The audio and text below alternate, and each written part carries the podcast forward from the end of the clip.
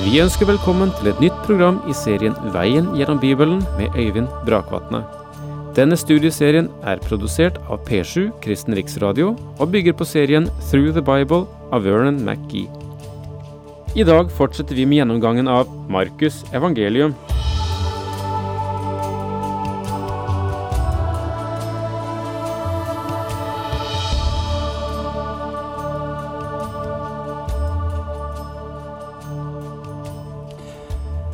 Så eh, er vi sammen igjen omkring den eh, sterkeste bok i, i verden. Og eh, den har også bevist at den bærer styrke i seg, også for dagliglivet. Dere vet at vi nå er i Markusevangeliets 14. kapittel, og vi avsluttet sist med at soldatene kom sammen med Judas og fanget Jesus i Getsemane-havet. Og så går vi inn i det 53. verset i Markus 14, og der står det slik. De førte så Jesus til øverstepresten, og alle overprestene, de eldste og de skriftlærde, kom sammen. Jesus ble nå ført til Kaifas, øverstepresten som Rom aksepterte. Annas, hans svigerfar, var egentlig øversteprest ifølge Moseloven. Jesus ble ført først til Annas, noe Johannes bemerker. Og noen tror at Annas var selve slyngelen bak planen om å ta livet av Jesus.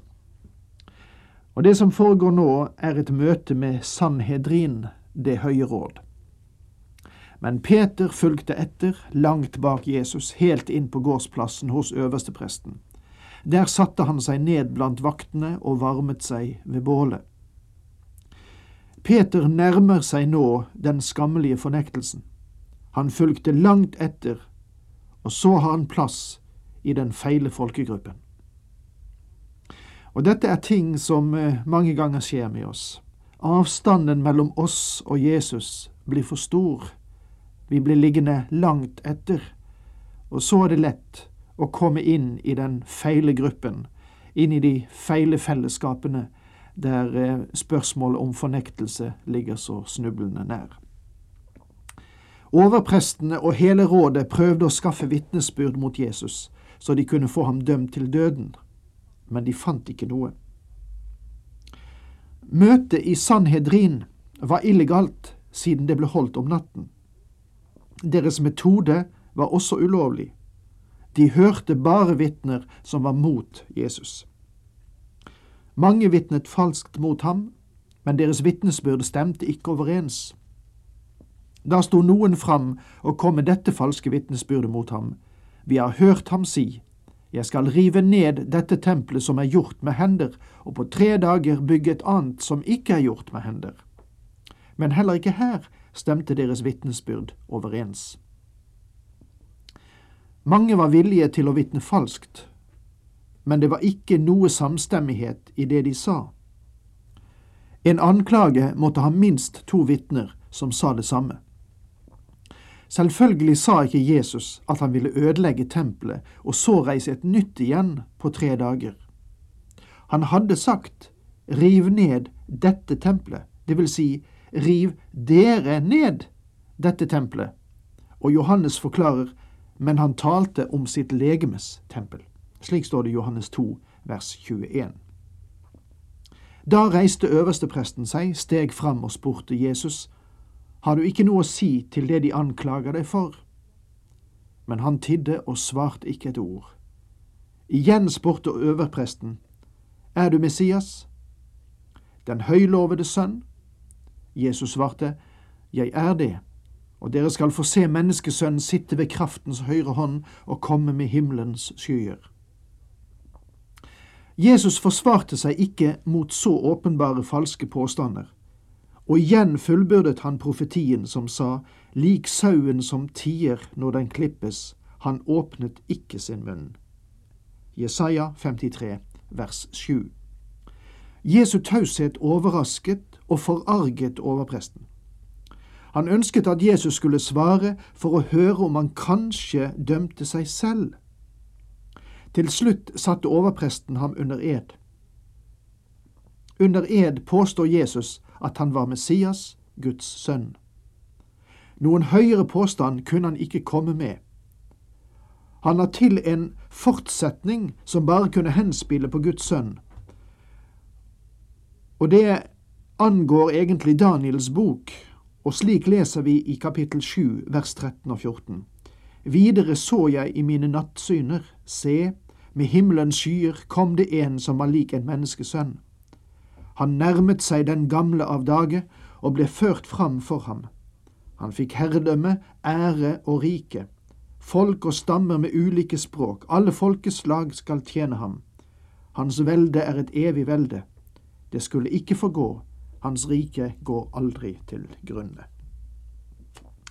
Overpresten forsto det han sa, og hvilke implikasjoner det hadde. Og han uttrykte meget sterke følelser ved å rive i stykker klærne sine. Da han gjorde det, brøt han Moseloven fordi overprestens skrud aldri skulle rives. Da flerret øverstepresten kappen sin og sa, Hva skal vi nå med vitner? Dere har hørt gudsbespottelsen. Hva mener dere? Alle fant ham skyldig til å dø. Da gav noen seg til å spytte på ham, og de dekket til ansiktet hans, slo ham med knyttneven og sa, Nå kan du profetere. Og vaktene slo ham i ansiktet. De dømte ham til å dø fordi han påsto at han var Messias. Anklagen ble endret da de kom til Pilatus med ham. Det kan du lese senere i Markus 15 vers 3. Behandlingen av ham var noe av det verste han kunne holde ut. Tenk deg å spytte Guds sønn i ansiktet. Mens denne farsen utspant seg, for en farse ble rettssaken mot Jesus etter hvert som den utviklet seg, så var Peter i en utsatt posisjon på et sted fullt av fristelser. Imens var Peter nede på gårdsplassen. En av tjenestepikene hos øverstepresten kom forbi, og da hun fikk se Peter som satt og varmet seg, stirret hun på ham og sa, Også du var med denne nasareeren Jesus. Men han nektet. Jeg fatter og begriper ikke hva du snakker om, sa han og gikk ut i portrommet. Men piken fikk øye på ham og begynte igjen å si til dem som sto omkring ham, Han er en av dem. Men han nektet på ny. Kort etter sa også de som sto der, til Peter, Visst er du en av dem? Du er jo galileer. En liten, sped tjenestepike fikk Peter til å fornekte sin herre. Peter skammet seg over å bli gjenkjent som en av Jesu følgesvenner på den tiden. Har vi noen gang vært i samme posisjon? Må Gud tilgi oss vår feighet og svakhet på samme måte som han gjorde det for Peter. Ved den tredje konfrontasjonen legger vi merke til at Peters svakhet, nemlig å ønske å tale i tide og utide, førte ham i vanskeligheter. Hans tale røpet ham. Men han ga seg til å banne og sverge. Jeg kjenner ikke den mannen dere snakker om. I det samme gol han for annen gang. Da husket Peter det som Jesus hadde sagt til ham. Før han galer to ganger, skal du fornekte meg tre ganger. Og han brast i gråt. Denne mannen har ikke kjent sin egen svakhet. Simon Peter elsket Jesus og var ærlig da han lovet at han ville være lojal mot ham, men han kjente ikke seg selv. Han hadde ennå ikke kommet dit i sin vurdering at han ikke så noe godt i sitt eget kjød. Men Peter kunne vende om og gjøre bot for sin synd, og det er den virkelige prøve på en redelig troende. Dette var tårer fra en som var sønderknust. Mange år senere skrev han i et av brevene sine, Dere som gjennom Guds kraft blir bevart ved troen, så dere skal nå fram til frelsen, den ligger alt ferdig til å åpenbares ved tidens ende. Peter visste at det var den Herre Jesus som hadde bevart ham.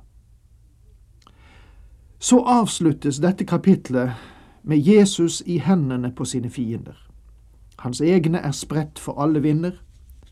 En har forrådt ham, en annen har fornektet ham. Dette er i sannhet syndens natt. Og dermed så eh, iler vi videre til neste fase i dette avsluttende dramaet av Jesu tjeneste på jorden. Og Når vi nå kommer til det femtende kapittelet i Markus evangeliet, så møter vi det rettssaken mot Jesus.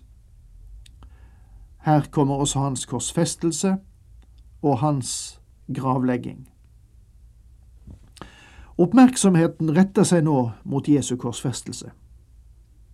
Jeg vet at hele Skriften er gitt ved inspirasjon fra Gud, og at den er nyttig. Les ordene i 2. Timotius 3, vers 16.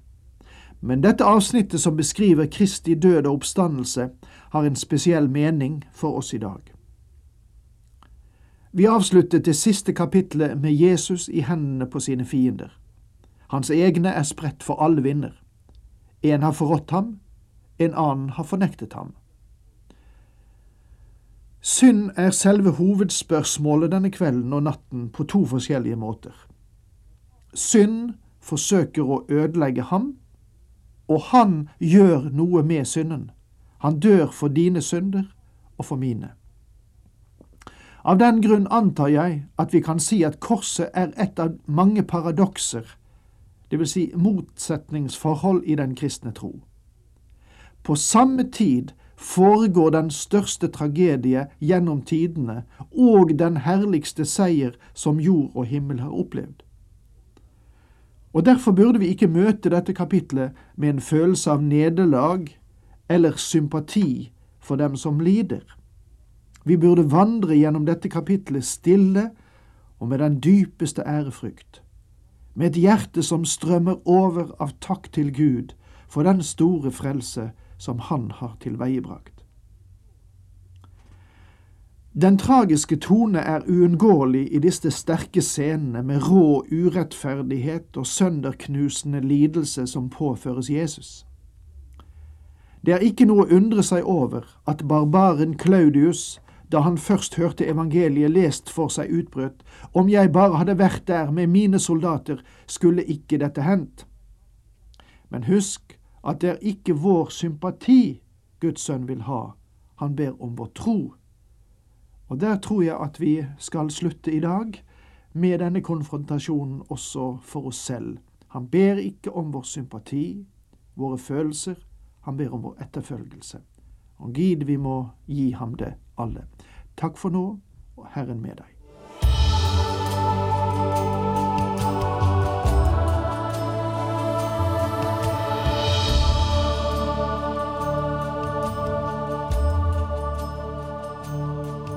Du hørte Øyvind Brakvatne i studieserien Veien gjennom Bibelen.